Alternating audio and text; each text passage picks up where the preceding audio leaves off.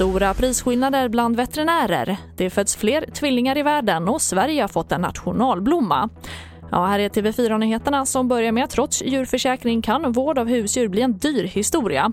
Prisskillnaderna är stora mellan olika djurkliniker och samma ingrepp kan kosta olika mycket beroende på var du bor i landet. Och nu undersöks frågan av regeringen som ska ta fram förslag på åtgärder inom några månader.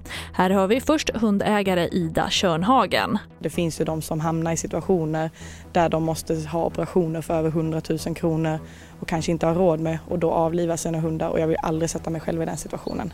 Vi behöver titta på allt det som är grundproblemen kring det här. Vi har för få veterinärer eh, och för dålig styrning eh, och reglering av den här marknaden.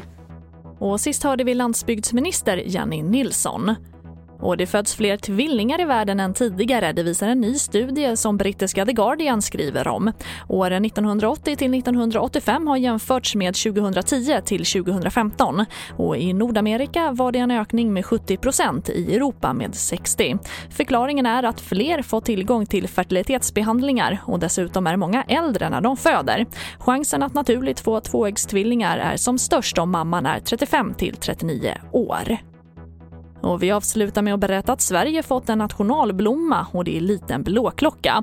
Nationalblomman är utsedd av organisationen Svenska Botaniska Föreningen som gjort en omröstning med över 80 000 deltagare. Liten blåklocka är vanlig i hela landet och här hör vi Mora Aronsson, ordförande på Svenska Botaniska Föreningen.